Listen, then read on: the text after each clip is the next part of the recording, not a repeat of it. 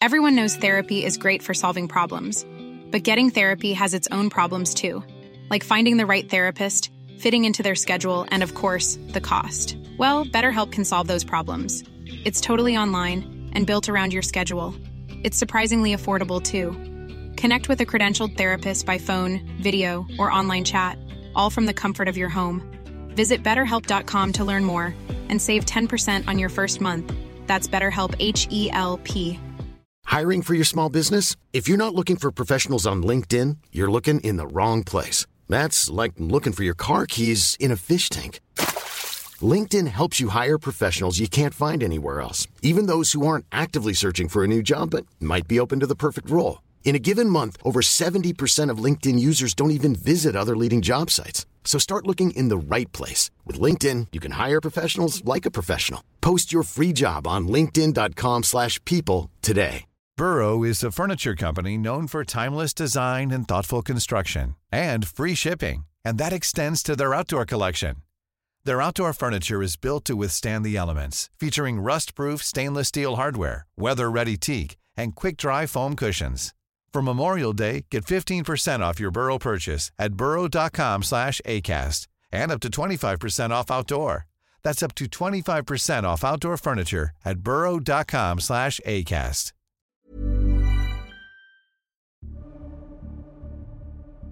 Det är sen eftermiddag den 1 september 2021 och Anders Eberhardt har tappat sina bilnycklar. Han blir mer och mer irriterad, både över det och för att renoveringsprojektet inte har blivit av. Han kommer hem till sin röriga lägenhet och ser sin vän Kenneth sittande i en fåtölj. Och eh, nu kommer vi till själva kärnan här med Kenneths död. Det är, det är liksom det som inträffar då. För då kommer jag hem. Eh, in i lägenheten. Jag måste lagt ifrån mig de här sakerna jag har handlat. Men, ja. Och eh, ropar väl in någonting. Så att jag, nej, jag har fortfarande inte hittat nyckeln.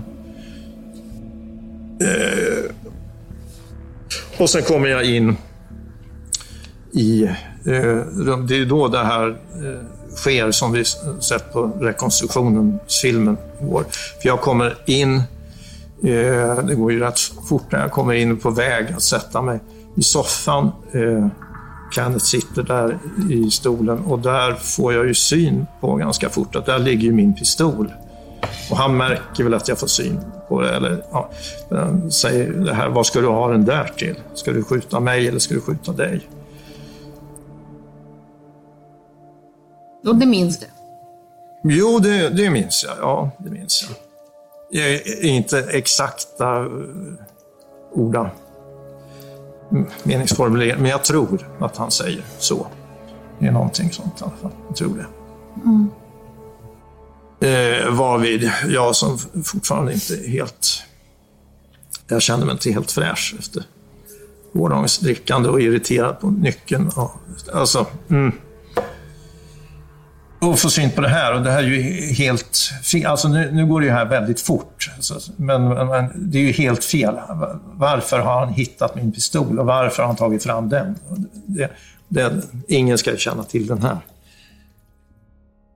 Anders förbluffas när han ser att Kenneth har tagit fram hans pistol. Ett ögonblick av vrede griper tag i Anders. Något som vittnen säger inte är ovanligt för honom. Och sen kan han bli väldigt arg ibland, men det går över sekunden efteråt. Vad händer då om han får ett sånt litet utbrott? Han kan skrika ut eller han kan sparka på en stol till exempel. Och slå på en dörr. Inget mer än så.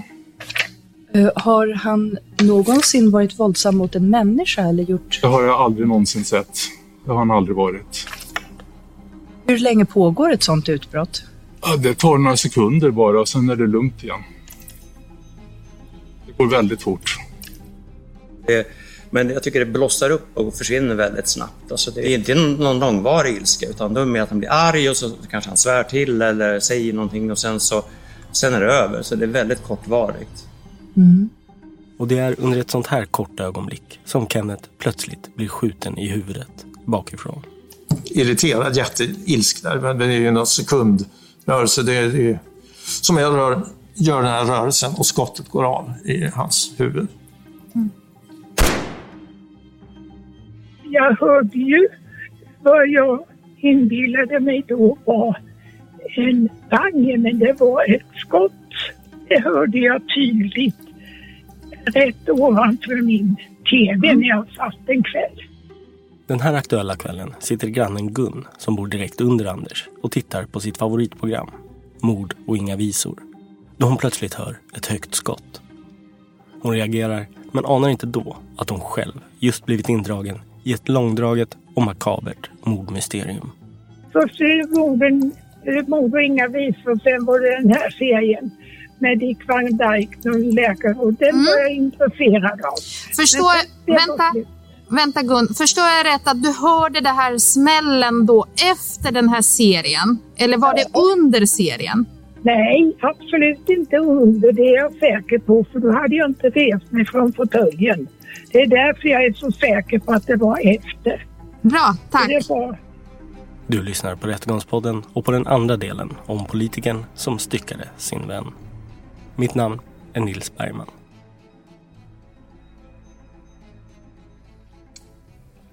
Jag blev ju stående där, för nu, rätten får ursäkta att jag svär, men jag blev ju stående där. Eh, allting var ju helt fel. Jag blev stående och liksom, jag vet inte om jag pratar för mig själv eller om det gick runt i huvudet. Det här, men vad i helvete liksom helt enkelt. Vad fan, hur fan gick det där till?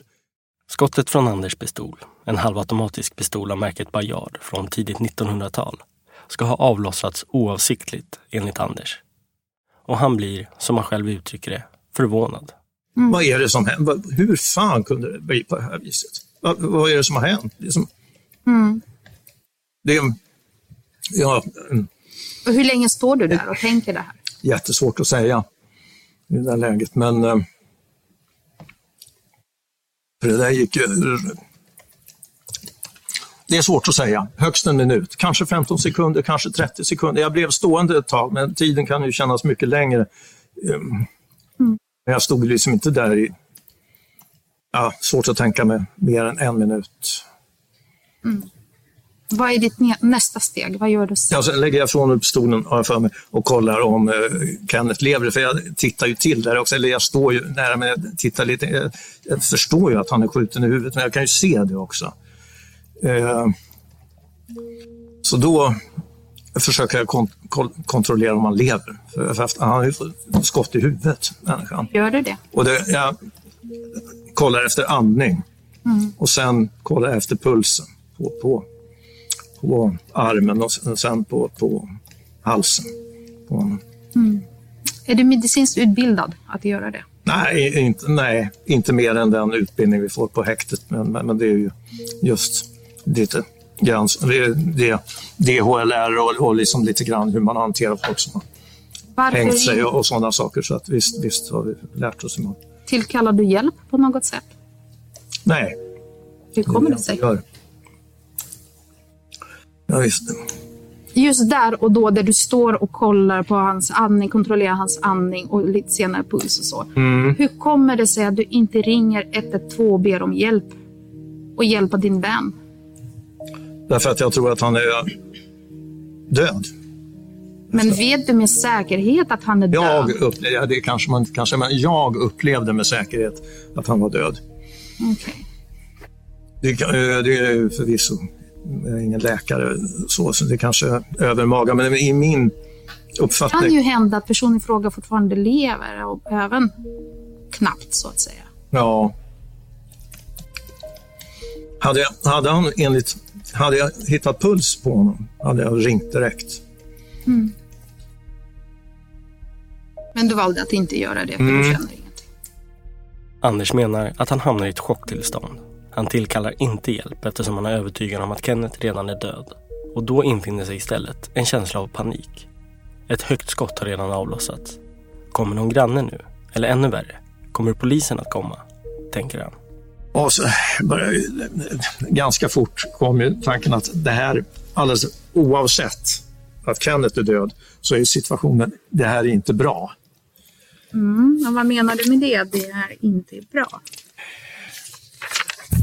Nej, om vi bortser, om vi en stund har bort, det är inte bra att han är död. Men om vi bortser det, från det en stund så är det inte bra. Jag står där med ett illegalt vapen i min lägenhet och en död människa.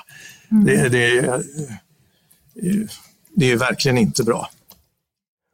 Om han blir påkommen nu kommer det få ödesdigra konsekvenser, tänker Anders. Självklart kommer jag få, få någon form av straff och det vill jag ju inte. Och givetvis kommer jag att bli av med jobbet och den politiska verksamheten. Det kommer faktiskt upp, ja, inte i den timmen om vi säger så, men kanske senare den dagen eller dagen därpå. Mm. Den dagen, ja, om vi förgår händelserna så blev det inte så väldigt mycket. Jag hävde i mig alkohol ganska fort och mycket sådär i, i stressen där. Alkohol finns det gott om i lägenheten och Anders häver i sig två Arbogaöl av den starkare sorten. Han blir trött och lägger sig i soffan mittemot Kenneth som fortfarande sitter i fåtöljen med skottskadan i huvudet. Och så vaknar jag upp igen. Kanske inte sovit så länge, jag vet inte riktigt. Men, mm. Och tillbaks till verkligheten. Då, så jag ser, ser ju honom sitta där i fåtöljen. Det syns ju inget speciellt på honom faktiskt om man inte tittar på huvudet på honom. Han ser ut som, precis som vanligt. Han ser ut som han sitter och sover. Men liksom, eh, eh, jag ser det där och jag tänker, ja, vad fan ska jag göra nu? Så att det blev inte så mycket mer den dagen utan jag drack ännu mer. Och eh, sov. Mm.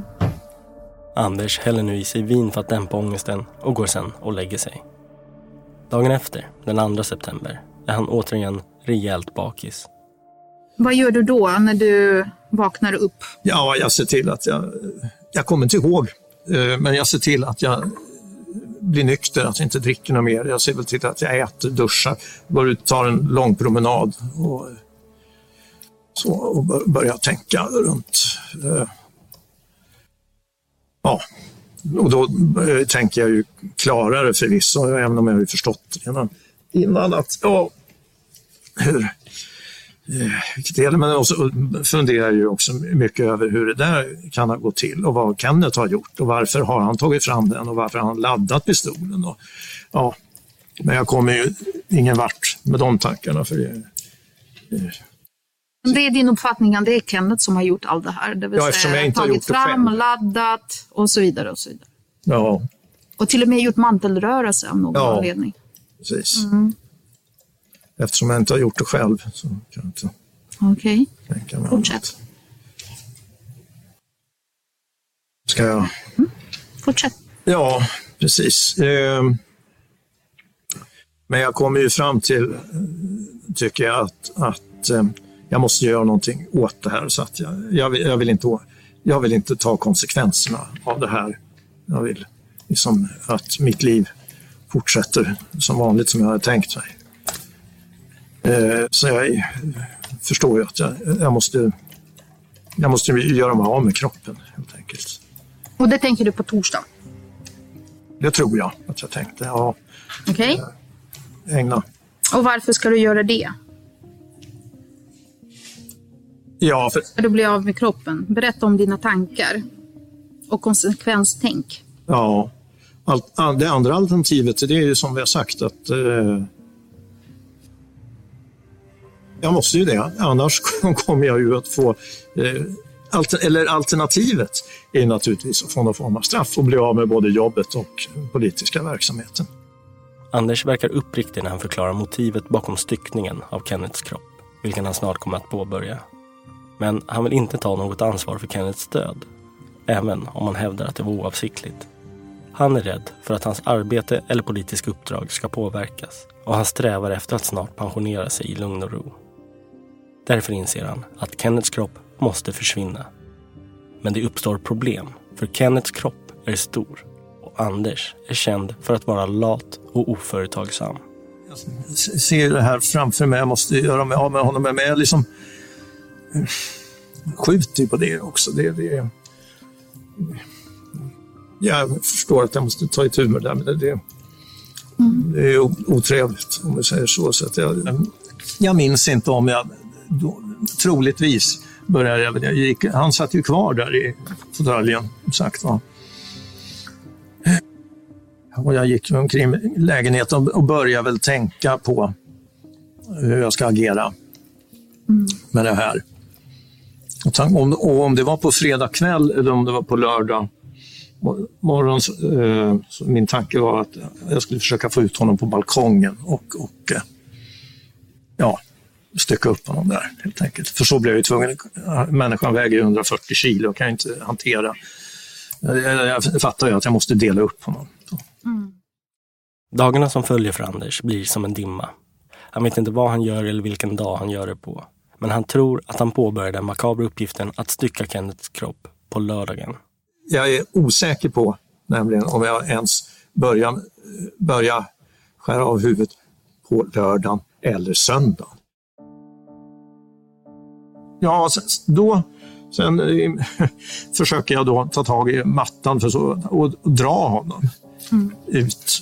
Men alltså, det, jag kommer ju praktiskt taget ingen vart överhuvudtaget. Så, så jag fattar ganska fort att det här var ju dumt tänkt. Det här funkar Jag får ju inte, jag, jag mäktar inte med att dra ut honom. Han är för tung helt enkelt. Nästa steg. Vad gör du sen då? Och när och hur? Ja, jag skulle tro att jag på... Jag måste ju börja någonstans och nu ligger han ju där, där han det ska vara från början. Så att jag, alltså jag, jag känner att jag, jag måste börja stycka honom där han ligger. Jag kan inte göra något annat. Eh, så jag, om jag minns rätt, har jag tagit fram kanske mer plast för att skydda. Det var ju inte i ordning gjort någonting. Där, lägga under plast och försöka lägga lite plast mot väggen. Och så skulle jag Ja, jag blir, och sen blir jag ju tvungen att leta rätt på hur ska det här gå till? Vad ska göra? Så att tar fram säckar och eh, kniv och ja, tänka ut hur jag rent praktiskt ska göra det här. Eh, kniv och såg förstår jag ju att jag måste ha. Så det letar jag ju rätt på. Eh, men ja, jag tar av hans huvud i alla fall, skulle jag tro på söndagen. På söndagen. Mm. Och då tänker jag. Mm. Och jag tänker, det här är inte en lätt uppgift. Nej. Eh, har du druckit någon alkohol? Ja, det, det gjorde jag rätt mycket. Alltså inte jättestora mängder, men under den här perioden. Det här tog ju hela den här kommande vecka faktiskt. Eh, så har jag eh, druckit alkohol för att ja, lugna nerverna helt enkelt och klara av eh, den här makabra verksamheten. Så säga. Yes. Det är riktigt. Huvudet, berätta. Hur gjorde du? Vad använde du för att göra det? Ja, jag hade ju hittat den, den bästa kniven jag kunde. Jag hittade en fiskkniv, det var det vassaste jag kunde hitta. Och eh, en såg, en bågsåg kallar man det. Så att, eh, När du säger det, alltså, såg, eh, är det handhållen eller elektrisk? ja, nej, nej, det är en bra. handhållen. Handhållen. Mm, mm. Ja, hur jag gjorde? Ska, alltså, jag ska- skar av honom halsen helt enkelt, såga av halskotorna med sågen. Yes. Använde du kniven? Ja, kni- kniven först, ja, för att skära av sågen bara för kotorna. Har du använt något annat? Nej, nej, nej. Nej. Vad gör du med huvudet? Jag Härnäst? stoppar ner det i, på, det är de påsar som man sedan har hittat. Är det de båda påsarna Ja, som hittades, ja. eller bara en? Nej, som jag minns det stoppar jag i två påsar. Sen stoppar jag dessutom de påsarna i en annan papppåse. Är det något mer som du lägger i påsen förutom huvudet? Ja, just det. Jag lägger i det här eh, som jag har fått veta heter stolpsko. Eh, för att få i tyngd. Ja. Var hittar du den? Det fanns inne i eh, mitt förråd. Och jag tänker så här, anledningen till att du lägger det i påsen redan då, har du någon plan? Ja, alltså, ja, planen börjar... Alltså, eh, eh, jag förstår ju att eh, jag måste dumpa delarna i vatten. Så, så, så, eh, och därför ska det vara i tyngd. Precis. Okej. Med Kenneths kropp delvis styckad bestämmer sig Anders på måndagen den 6 september att han ska hyra en bil. Han får ta sig ända till Skavsta för att hyra den och åker därefter runt en del med bilen. Bland annat omkring avfallsanläggningar. Men det här är inte för att på något sätt scouta dumpningsplatser utan för att helt enkelt känna in bilen lite grann, menar Anders. Han tar med sig huvudet, men också Kennets alla tillhörigheter. Och Anders erkänner att anledningen till att han överhuvudtaget hyr en bil är för att senare kunna ha något form av alibi. Packa saker, det- bilen och åka upp. Förklara, hur tänker du? Ja, Vad är tank, syftet med det? tanken, syftet med det, tanken med det är att när det börjar eh, på något vis komma fram att Kenneth saknas, Mm. så ska jag kunna säga att ja, jag vet inte, jag skjutsar upp honom på måndag. Mm. Det är grundtanken med det och då är det självklart att jag skjutsar upp också så mycket saker som möjligt Mm. till honom.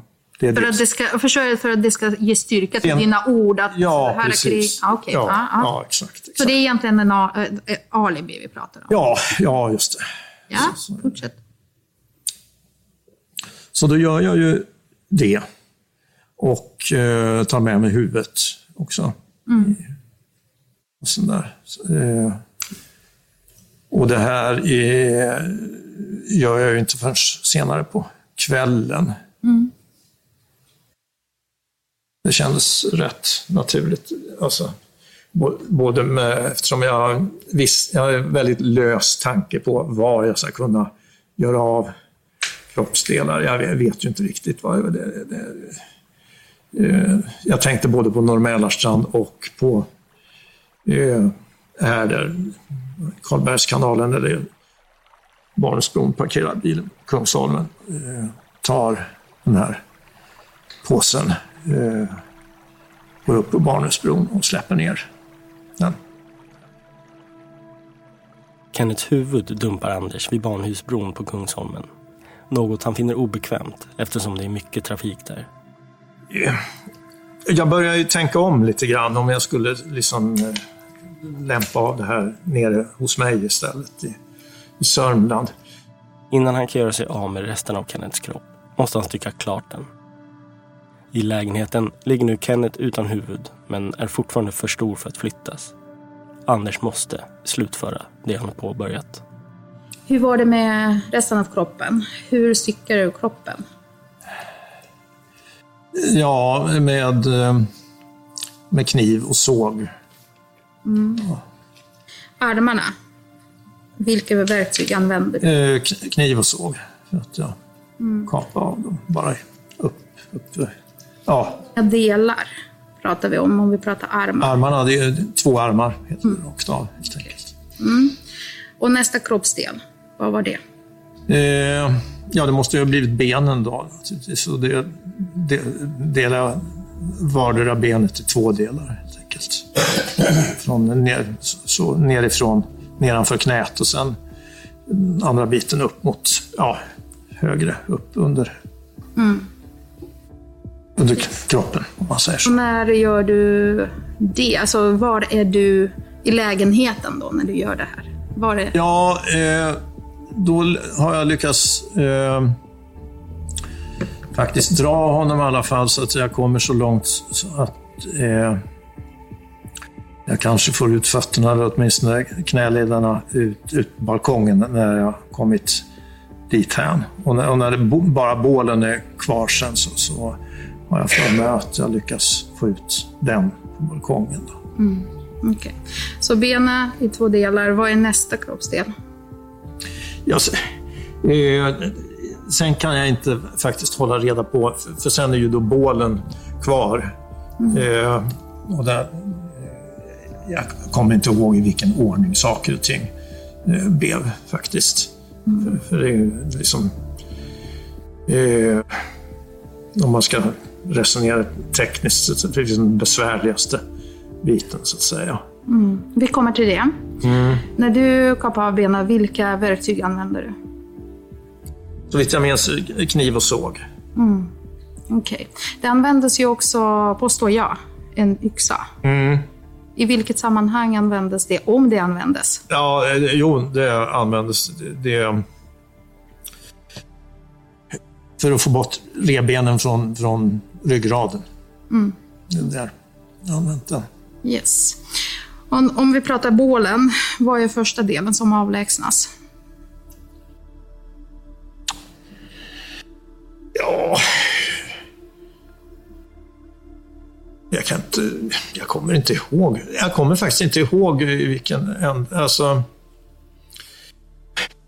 Mm, Det är otrevligt att beskriva, men alltså, jag, jag har ju skurit upp magen så att säga för att få bort... eh, Jag har säkert skurit eh, loss, alltså själva magkött. Jag, kan, jag, kan fakt, jag kan faktiskt inte svara på i vilken ordning. Okej, Nej. men vi lämnar ordningen. Mm, Men du berättar, du skär upp äh, magen. mm. Det är rätt uppfattat. Vilka verktyg använder du för det? Eh, Det är kniv då, ja. ja precis. Och sen, vad gör du med inälvorna? Ja, ja, precis. De tar jag ut och lägger i påse för sig. Mm. Och jag har väl slängt det, om jag minns rätt, om det inte blev någon egen påse där sen så har jag slängt i, i eh, min egen återvinning där hemma. Alltså inte min, utan kvarterets eh, heter- matåtervinning om man säger så. Mm. Matavfall. Mm, matavfall, ja precis. Mm. precis. Precis. Har du använt några andra verktyg när du hanterade inälvorna? En kniv. Ah, jo, det kan vara så att jag har haft sax. Ja, ja precis, precis. Vad gjorde du med Kli- saxen? Klipp, klippa tarmar i mindre bitar. Helt enkelt. Vad gjorde du med tarmarna? Eh, där kan jag delvis ha spolat ner på toaletten. Ja. Mm. Okej. Eh, vi hittade ju, eller polisen eh, anträffar ju eh, bäckendel. Mm. Det har jag pratat om. Och sen har man anträffat även eh, en annan del, så att säga, axelparti Mm. som jag kallar det. Mm. Eh, hur var det med resten? Har, I hur många delar har du delat upp bålen? Jag vet faktiskt inte. Jag får gissa lite där för att det är ju ett annat axelparti naturligtvis och det är revben. Det blir lite giss, fyra delar kanske. Mm. Styckningen fortsätter hela veckan och Anders paketerar kroppsdelarna för att det ska bli enklare att hantera och för att förhindra den värsta luktspridningen.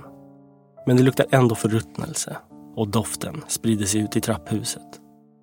Vi hör återigen grannen under, Gun. Har du observerat något annat i anslutning då till Anders lägenhet förutom den här pangen? Då? Ja, det är ett förskräckligt eh, sågande och bullrande och konstiga ljud där uppifrån har jag förklarat. Mm. Och sen lukten som var i trappen eh, den veckan ja, före 11 september, det vet jag särskilt. För jag sa till min syster för jag surströmming. Mm. Så det luktade, ve- förlåt Gun, det luktade på något särskilt sätt veckan som har den 11 september i sig så att säga? För, ja, före den, hela den veckan hade jag besvär när jag skulle till brevlådan och så för lukten.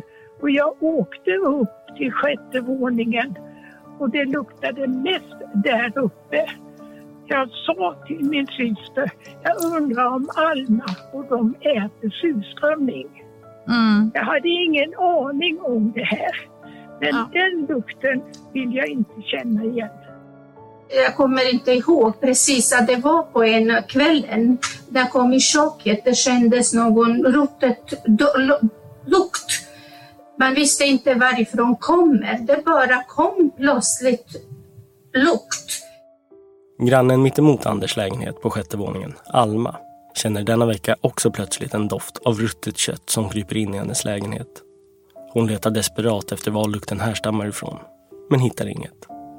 Jag gick igenom hela mina uh, hela den här supporna, jag gick frysen, jag kylen, min skafferiet. Det kommer inget därifrån, så man visste inte varifrån kommer. Alma, som arbetar inom äldrevården, tror instinktivt att någon äldre person har dött någonstans i byggnaden. Det har gått kanske en dag, två dagar. Vi, vi är tvungna att hela tiden ha öppet i, i rummet bredvid och köket, öppna fönstret. Det gick inte vara där inne i, i köket, vara där. Det var så luktet, hemskt lukt. Det var så hemskt. Inte heller grannen under lyckas identifiera var doften kommer ifrån. Men hon misstänker att Anders Eberhardt är inblandad. Om Eberhard har köpt en halv gris och styckar och upptäckt att han har för liten frys så han har lagt det på balkongen för det luktar pyton. Mm. Det, det var så elakt så förlåt Eberhard men jag kände att det var något fel. Everyone knows therapy is great for solving problems, but getting therapy has its own problems too, like finding the right therapist, fitting into their schedule, and of course, the cost. Well, BetterHelp can solve those problems. It's totally online and built around your schedule. It's surprisingly affordable too. Connect with a credentialed therapist by phone, video, or online chat, all from the comfort of your home. Visit betterhelp.com to learn more and save 10% on your first month. That's BetterHelp H E L P. Burrow is a furniture company known for timeless design and thoughtful construction and free shipping, and that extends to their outdoor collection. Their outdoor furniture is built to withstand the elements, featuring rust-proof stainless steel hardware, weather-ready teak, and quick-dry foam cushions. For Memorial Day, get 15% off your Burrow purchase at burrow.com slash ACAST and up to 25% off outdoor. That's up to 25% off outdoor furniture at burrow.com slash ACAST.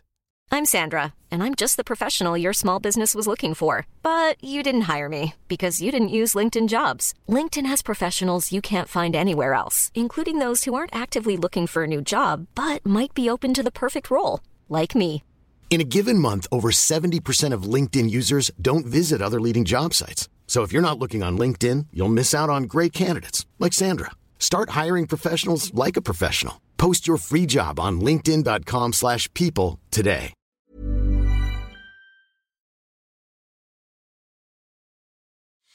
Gör du något annat eh, vid styckningar förutom att dela upp i delar? Nej, ja, jag paketerar ju allt.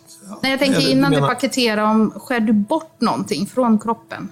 Eh, Ja, eh, jag vet. Det, det gör jag. Det, det, vi pratade om det här bäckenpartiet här. Mm. Hur, va? Mm. Det var ju så att eh, det blev enormt tungt. Jag skulle flytta det ut på balkongen. Det- Till och med jag tog det i en sån här Ikea-påse och botten gick ur. Det fungerar inte. Jag förstod att jag måste göra någonting. Så att, eh, ja, jag har ju skurit av eh, könsorganen, men jag har även skurit bort så mycket kött helt enkelt från den biten jag kunde. För, bara för att få ner vikten helt enkelt. Mm. Okej. Det var helt ohanterligt. Så det är, när du säger köttet, och då pratar vi bäcken. Ja, det blir väl skinkorna. Okej. Och du menar att genitalerna vägde också en del? Eller varför De just vägde dem? ju inte, liksom jag försökte ju få bort så mycket Det kunde jag ha låtit bli. Men alltså jag försökte få bort så mycket jag kunde helt enkelt. Mm. Okej. Vad gör du med de delarna, förutom då inälvorna som du slänger eller spolar i Ja, toaletten? det andra packar jag ner precis som allt, allting annat i någon sån här Mm. ja, säck, sopsäck som jag har paketerar. Jag tänker eh, sen då, efter du har hanterat kroppen på det viset du har berättat. Jag tänker, vad gör du med andra grejer som kanske... Jag tänker, jag antar att det är ganska mycket vätska och så vidare. Kroppsvätska, blod kanske. Ja. Gör du någonting med de grejerna som blev... Om det blev några grejer smutsiga, vad gör du med dem? Ja, alltså det, det är ju det är klart. Eh, allt vad jag hade lagt ut där, presenning och plast och även den här mattan som jag hade dragit honom på. Eh, och hans kläder som han hade på sig naturligtvis från början. Och, eh, ja, jag åker till tippen med de här. Om det inte är små saker som jag kan slänga i, i en sop. Det, mesta åker jag helt enkelt ut till den här Björshultstippen. Alltså, Mm. återvinnings... vad det kallas numera. Mm. Ja. Den 12 september, då Kenneth varit död i 11 dagar, tar Anders en paus för att äta middag med sin vän Bernt på restaurang Oliver Twist. Bernt frågar då Anders hur det går med renoveringen och Anders svarar uppgivet att Kenneth är slö. Han kan jobba en dag men behöver sedan vila i tre dagar. Det blir ju jobbigt för mig också, tillägger Anders. Jag kan ju inte ha honom boende hos mig hela tiden. Nej, alltså inte mer än det jag sa det här att eh, när vi träffades i september var det väl, så frågade jag honom hur går det nu med renoveringen? Då nämnde han det här att ja, det går långsamt. Det, det, det är inte klart än. Och hur var Anders då? Helt normal. Det, det var en helt vanlig middag. Okej. Dagen efter denna helt vanliga middag ansöker Anders om att få vara ledig de kommande dagarna och det beviljas. Han verkar inte göra något speciellt de här dagarna. På tisdagen den 14 finns ett kvitto på att han handlat en korv och den 15 bokar han en kortare taxiresa i Nyköping, men under falskt namn. Han uppger att han heter Jansson.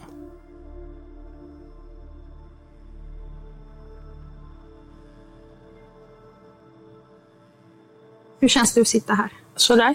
Ja.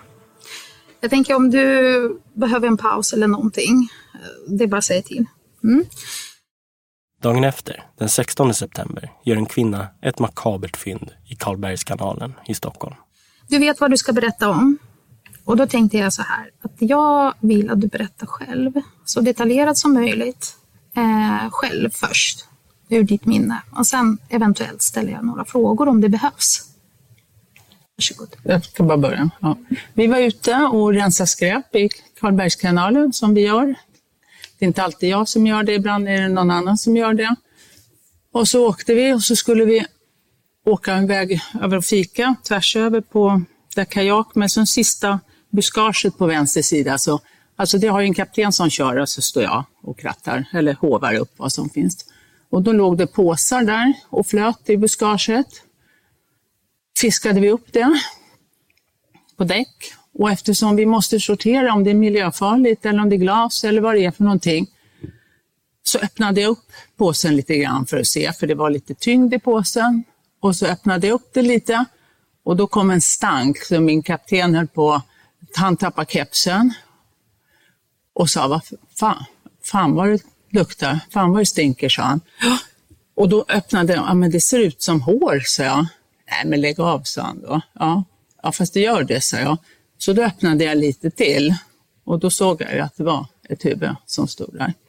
Ja, Och då sa han, nu, nu får du titta. Så då gick jag och ställde mig och körde. Och då gick han och tittade. Ja, och då såg han också att det var ett huvud. Då åkte vi in till bryggan där vid den här kajakuthyrningen som ligger precis där. Och så ringde vi polisen. Eller vi ringde till vårt jobb, så ringde de polisen. Och så kom det en polisbåt ganska snart med två kvinnliga poliser. Minns du vilket datum det var? Ja, september där. Jag tror att det var den 16. Hur kändes det? Att hitta och göra den här upptäckten? Det var ju ingen hit. Nej, Nej det var jättejobbigt. Ja. Jätte, jätte, jättejobbigt var det. Har inga fler frågor, tack. Målsägandebiträdet, en fråga? Det är Kennets huvud som kvinnan och hennes kapten hittar. Men vid tillfället vet man inte att huvudet tillhör Kenneth, då han inte anmäls försvunnen förrän den 20 september av hans granne. I polisens första kartläggning om Kenneth får de kontakt med hans dotter, som nämner Anders Eberhardt som en nära vän till fadern. Kvällen den 22 september ringer polis Ida Warneby upp Anders för att fråga om han vet var Kenneth kan vara. Anders berättar att han senast såg Kenneth för drygt två veckor sedan, men han kan ha besökt honom i Nyköping den 6 september. Han tillägger att han känt Kenneth länge, att Kenneth varit suicidal och beskriver problem med bilen som ledde till att Kenneth hyrde en bil.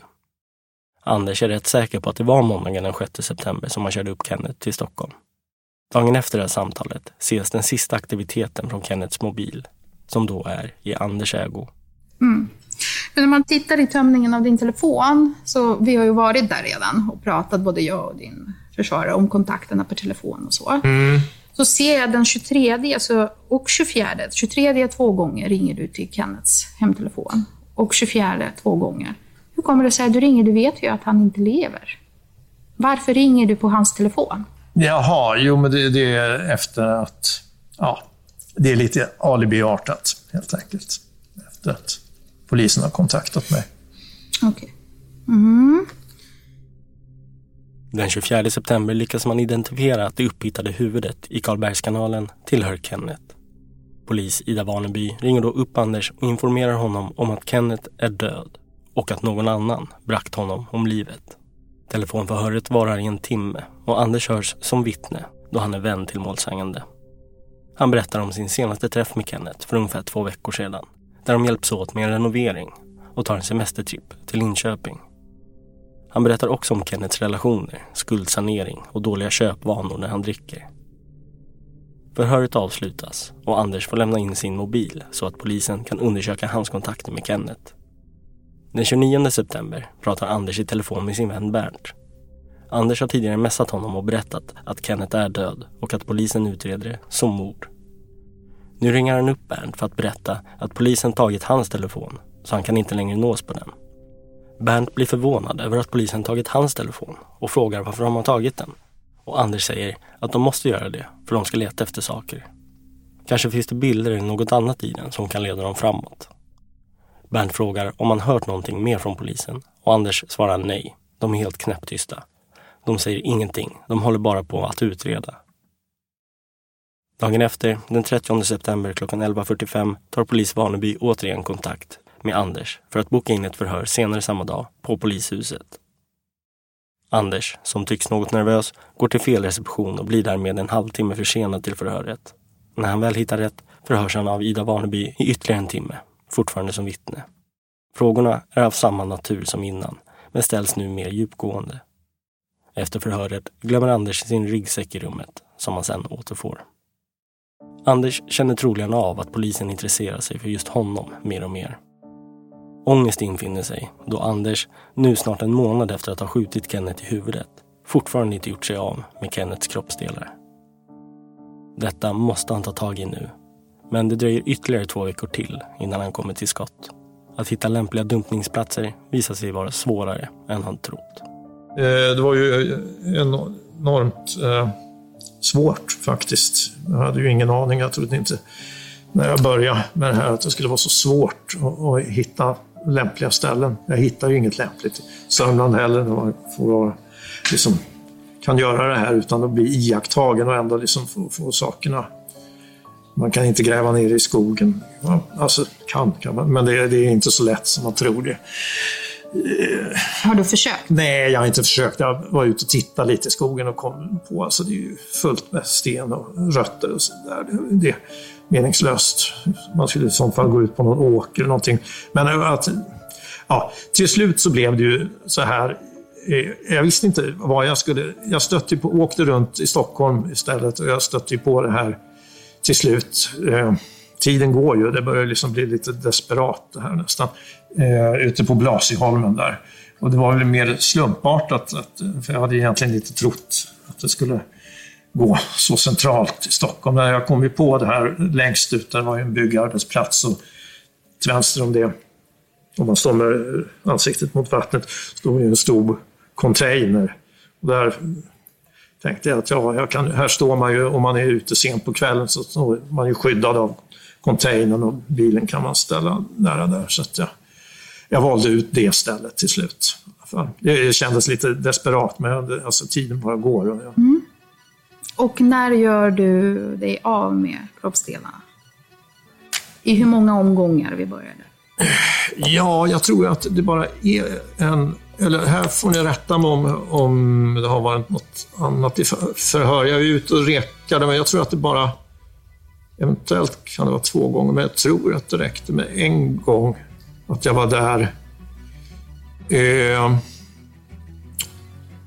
för då blev det ju så här att jag slängde i två paket där, men ser ju att det, det sjunker ju liksom inte. Det, jag får intryck av att det bara flyter iväg. Eh. Har du lagt någonting i påsen förutom kroppsdelar? Jo, jag har lagt, eh, precis som den första biten, någon, om inte stolpskor så några andra sådana här eh, byggvinklar, lite järn för att få, få lite tyngd men det, det verkar inte räcka. Och eh, när jag upptäcker, alltså, upptäcker det så eh, rent... Jag måste, jag måste ju bli av med den då. Jag, jag chansar rent desperat. Jag la resten i den här containern som fanns där. Mm. Okej.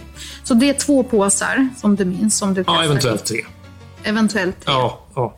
Har du någon koll på vilka kroppsdelar som Nej, finns? nej, i det läget har jag ingen koll på vad som ligger i vad. Mm. Du har lyssnat på Rättegångspodden och på den andra delen om politikern som styckade sin vän.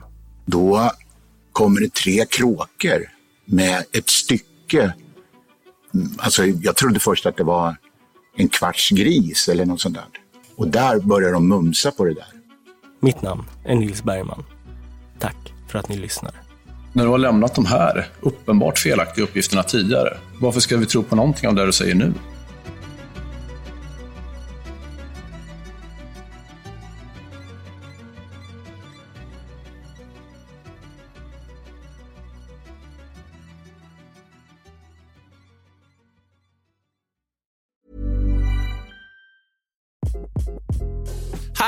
This is Craig Robinson from Ways to Win, and support for this podcast comes from Invesco QQQ, the official ETF of the NCAA. The future isn't scary. Not realizing its potential, however, could be.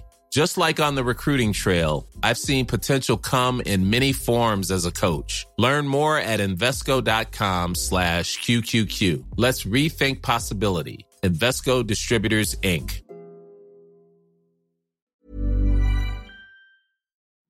Rättegångspodden är en Tall Tale produktion. Ansvarig utgivare är Jonas Häger. Och Rättegångspodden görs i samarbete med Lexbase. Ange rabattkoden Rättegångspodden när du blir ny betalande medlem på lexbase.se och få tre kostnadsfria domar.